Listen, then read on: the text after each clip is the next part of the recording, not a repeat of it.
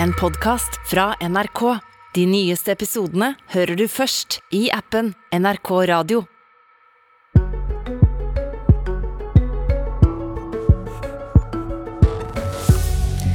Det ble 40 år i kringkastingens tjeneste, men i dag forlater Magnus Takvam NRK. Men et siste spark til dagens politikere, det rekker han. De kunne med fordel ha vært mer dristige. Ja, og Magnus Takvam, velkommen til din siste dag som NRKs politiske kommentator. Takk for det. Det ble altså 40 år i NRK, og i svært mange av de så har du vært eh, her i Politisk kvarter, både som programleder og de senere årene som politisk kommentator. I dag skal du få et helt kvarter til å dele dine analyser, og da kan vi jo starte med, med det jeg nevnte i starten her. Eh, hvorfor mener du politikere bør være mer dristige? Dristige, eh, med det mener jeg i denne forstand kanskje å utøve lederskap i mye større grad enn det vi ofte opplever nå fra kanskje særlig de, de store partiene. Eh, altså, Det å være dristig eh, er ikke i seg selv et mål. Eh, vi har mange eksempler på at politikere nok kan være dristige. Eh, F.eks. Kristelig Folkepartis linjevalg i 2018 var jo en dristig øvelse, men det er ikke sikkert at resultatet ble eh, slik man hadde som mål. Og, eh, så mitt poeng er bare eh, dristighet i den forstand at politikerne må eh, våge å lede og gå foran, og også i situasjoner der man eh, selvfølgelig opplever kritikk. Det handler om å skjønne sitt samfunn bedre og se hva som er viktigst, hva som er mindre viktig. Eh, F.eks. i eh, kanskje det som er mest eh, oppe nå, som er det mest brennende spørsmålet på, på kort sikt, klima- og energispørsmål som et eksempel. Er det der de er for lite dristige? Ja, det vil jeg si. Eh, og der det er for lite lederskap. Eh, mitt poeng er at alle politikerne, eller de aller fleste politikerne, etter hvert aksepterer det vitenskapen sier. Og vitenskapen på dette feltet sier ganske sterke ting, nemlig eh, at kloden har et karbonbudsjett som er i ferd med å renne ut. Det er kort tid eh, for å balansere dette og få vi si, klimanøytralitet, et nullutslippssamfunn. Bare kanskje 10-20-30 år må det skje kjempemye. Det sier politikerne på den ene siden. Altså et kjempesterkt budskap, men uten å ha eh, skal vi si, de nødvendige og kanskje vanskelige politiske beslutningene med seg. Og Det krever lederskap fra, fra, fra partiene i større grad enn det som jeg opplever er tilfellet nå.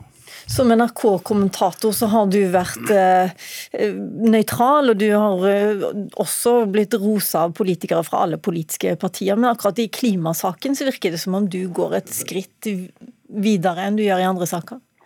Altså, jeg mener jo at en eh, NRK-kommentator med skal vi si, den eh, refleksen som, som en public service, en allmennkringkaster, skal ha, også selvfølgelig har et handlingsrom eh, i den rollen f.eks. jeg har.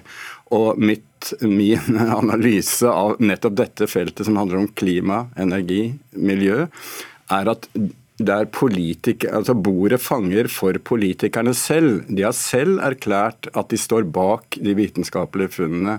De har selv sagt at dette er vår tids viktigste utfordring. Og da eh, må man arrestere dem hvis de ikke leverer og har eh, skal vi si, realistiske planer for det. At de ikke har et opplegg som gjør at de kan få folk med seg på det osv.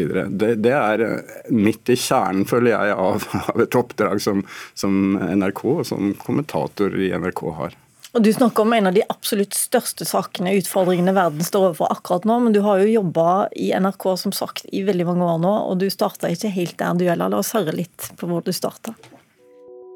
Store, fine poteter her. Dyrket i masse fra solid norsk gråfjell. Tror du en sentrumsregjering kan greie seg uten din person? Ja, det tror jeg. Nå har jo eh, sentrumsregjeringa bevist i tre og en halv uke at det har de greit eh, på en aldeles eh, utmerket måte. Var dere overrasket over at det gikk an å gro poteter i stein? Hvor lang tid tror du det tar før disse tingene om eventuelt regjeringssamarbeid tar? Er det, jeg tror folk er kanskje interessert i å høre litt nærmere om akkurat det. Tror du det? Ja. Jeg er i hvert fall det. Ja, ja, ja. Du er interessert i det meste, og du har egentlig formana oss kollegaer du, til å være interessert i store og små saker, men dette var noe du lærte den harde måten sjøl? Ja, det vil jeg si. I starten av uh, min uh, jobb i NRK, da var det i, på distriktskontoret, NRK Hordaland. Og det er for øvrig en god skole å være ute i et distrikt og eh, oppleve liksom den nærheten både til miljøer og enkeltpersoner som journalist. Og jeg husker, Da hadde vi, eh, som distriktskontorene for så vidt har i dag, morgensendinger, kjempelange sendinger med platespilling, Johannes Kleppevik og Salesvin Skvetten og sånn. Og intervjuer med folk i distriktene. Og da fikk jeg av en eh, filmfotograf eh, som Terje Dale etter en sending en en ganske sterk pekefinger, Magnus. Jeg hørte da du intervjuet denne mannen som hadde sett en rev på tunet, at du overhodet ikke var interessert i det. Det skinte gjennom i måten du, du snakket med vedkommende på. Det må du aldri gjøre igjen. Fordi, selvfølgelig, eh, moralen er for han og for dem var det en stor opplevelse, en viktig ting. Og det er noe av, av, av, det som bør være en ledetråd, at selv små begivenheter, eh, små saker, er viktig for eh, mange mennesker, og det må vi ta på alvor og ikke skal vi si, harselere over og være arrogant overfor osv. En annen sak du tok opp, eh, det var en påminnelse om at kritikere også har makt. Hvorfor var det viktig for deg å understreke det? Jo, altså medienes, mediene har jo en maktkritisk funksjon som er skal vi si, det grunnleggende eh, i et demokrati, et levende demokrati. Men eh, jeg mener jo, og alle bør føler jeg være enig i, at det fins også noe som heter legitim makt, altså demokratisk makt. Og det eh, innebærer etter min mening at også maktens kritikere har makt. Det er, eh, og, og i oversatt i, i mediedynamikken så, så, opplever jeg i perioder at f.eks. Eh, mediene lett gjør en billig løsning av denne maktkritiske funksjonen ved liksom ukritisk å heie på opposisjonen og utgjøre en allianse mot den sittende regjeringen. Har du noen gode eksempler på det?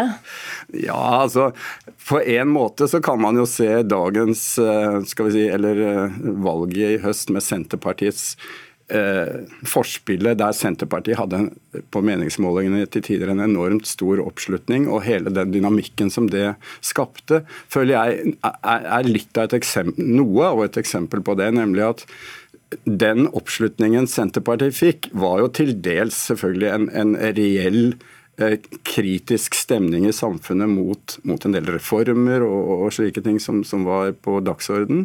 Men samtidig var den også drevet fram av medienes, etter min mening, overdrevne bruk av meningsmålinger. Altså en meningsmålingsjournalistikk som er en billig journalistikk, og som eh, fører til at man tar det for gitt at vedkommende parti har nettopp den oppslutningen som de fikk i denne stemningsbølgen. Og, og da blir journalistikken Hvorfor går det så bra? Hvorfor har Senterpartiet lykkes som om det var en konstant høy oppslutning eh, de hadde. Og så ser vi jo et, etterpå at vi var for lite kritiske overfor det samme partiet. Hva er deres løsninger? Dere har en ganske kraftig systemkritikk av det norske samfunnet. Har dere relevante løsninger? Pek på det. Der føler jeg at vi sviktet. og liksom og det, det, gjelder meg selv og det gjelder hele medieoffentligheten, eh, gjorde ikke jobben skikkelig nok. Du, eh, hvis det er én ting som kjennetegner disse 40 årene, så er det at man har fått mange flere små partier. Du advarer mot å moralisere over det? Ja, altså mitt poeng er i hvert fall at eh, av og til føler jeg en tendens til eh, de som har på en måte den skal vi si, midtenposisjonen, eller den ansvarlige posisjonen, og, og, ha, ha, og kritisere de små, uansvarlige partiene som liksom ensakspartier osv.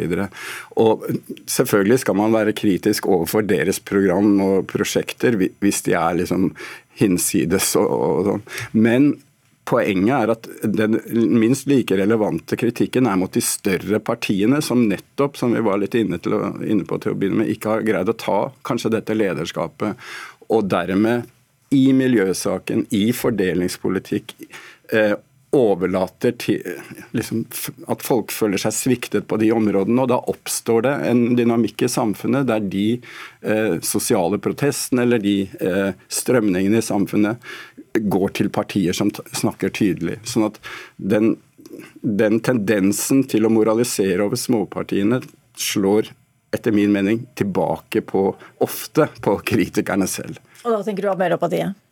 Ja, Både Arbeiderpartiet, men også mening, altså både de store etablerte partiene for så vidt, og også oss observatører. Mm. Vi må nesten snakke litt om disse politikerne som du har kommentert i alle disse årene. Det er veldig mange, og vi skal høre på noen av dem her. Tre måneder før styremøtet fikk næringsminister Bjørn Rosengren beskjed om det norske synet. I dette brevet fra hans norske kollega Dag Jostein Fjærvoll. Valla forsøker å få fram at hun ble felt fordi hun var en radikal og uredd LO-leder. Det var dette Facebook-innlegget fra Sylvi Listhaug som satte fyr i sosiale medier. Jeg vil si at han representerte en eh, politikertype som kanskje først og fremst ble politiker pga. sine kunnskaper og sin, sitt talent. Ja, Den siste du snakka om her, det var Kåre Willoch, eh, tidligere statsminister som eh, døde tidligere i år. Har politikerne forandra seg mye? Ja, i takt med medieutviklingen og samfunnsutviklingen så, så, krever det jo eh, helt andre politikere, på godt og vondt, enn det som var tilfellet før. En måte å se det på, er at i hvert fall tidligere var det langt oftere politiske ledere eller politikere som enten representerte en klasseinteresse, som var ombudsmenn, og som ble valgt fordi de fikk tillit blant sine til å fremme det i politikken, eller folk som var spesielt begavet, enere som skilte seg ut, og som, som da fikk eh, politiske verv. Eh, nå mener jeg ikke at de ledende politikerne ikke er begava lenger, men eh, det har skjedd en langt større grad av profesjonalisering selvfølgelig av politikerrollen, og da har mye gått tapt. Elitekritikken skyter feil, sa du i går. Ja, altså Jeg føler nok at det er den, Denne konflikten med, med folket mot eliten er selvfølgelig en viktig dimensjon, men jeg føler at mange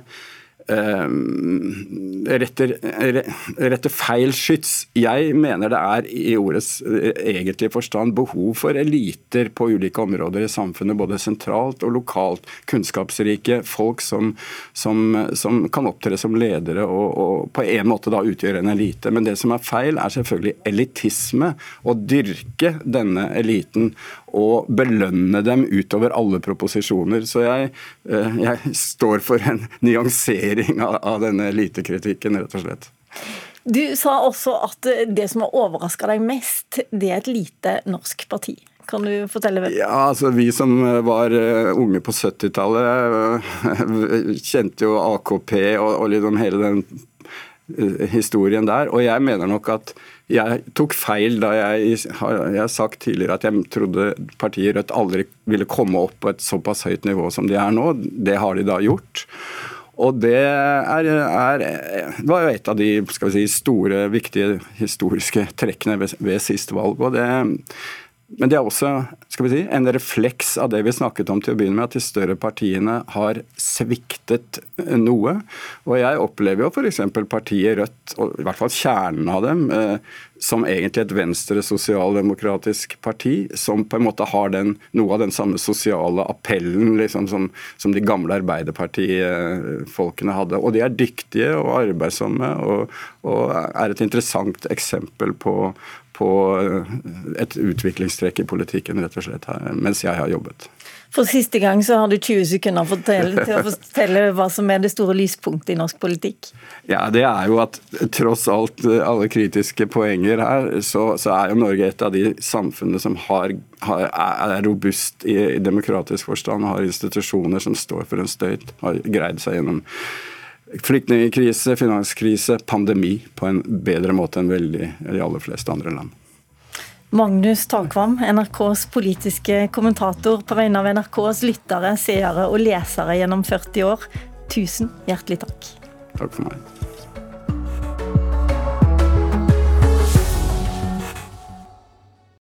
Du har hørt en podkast fra NRK. De nyeste episodene hører du først i appen NRK Radio.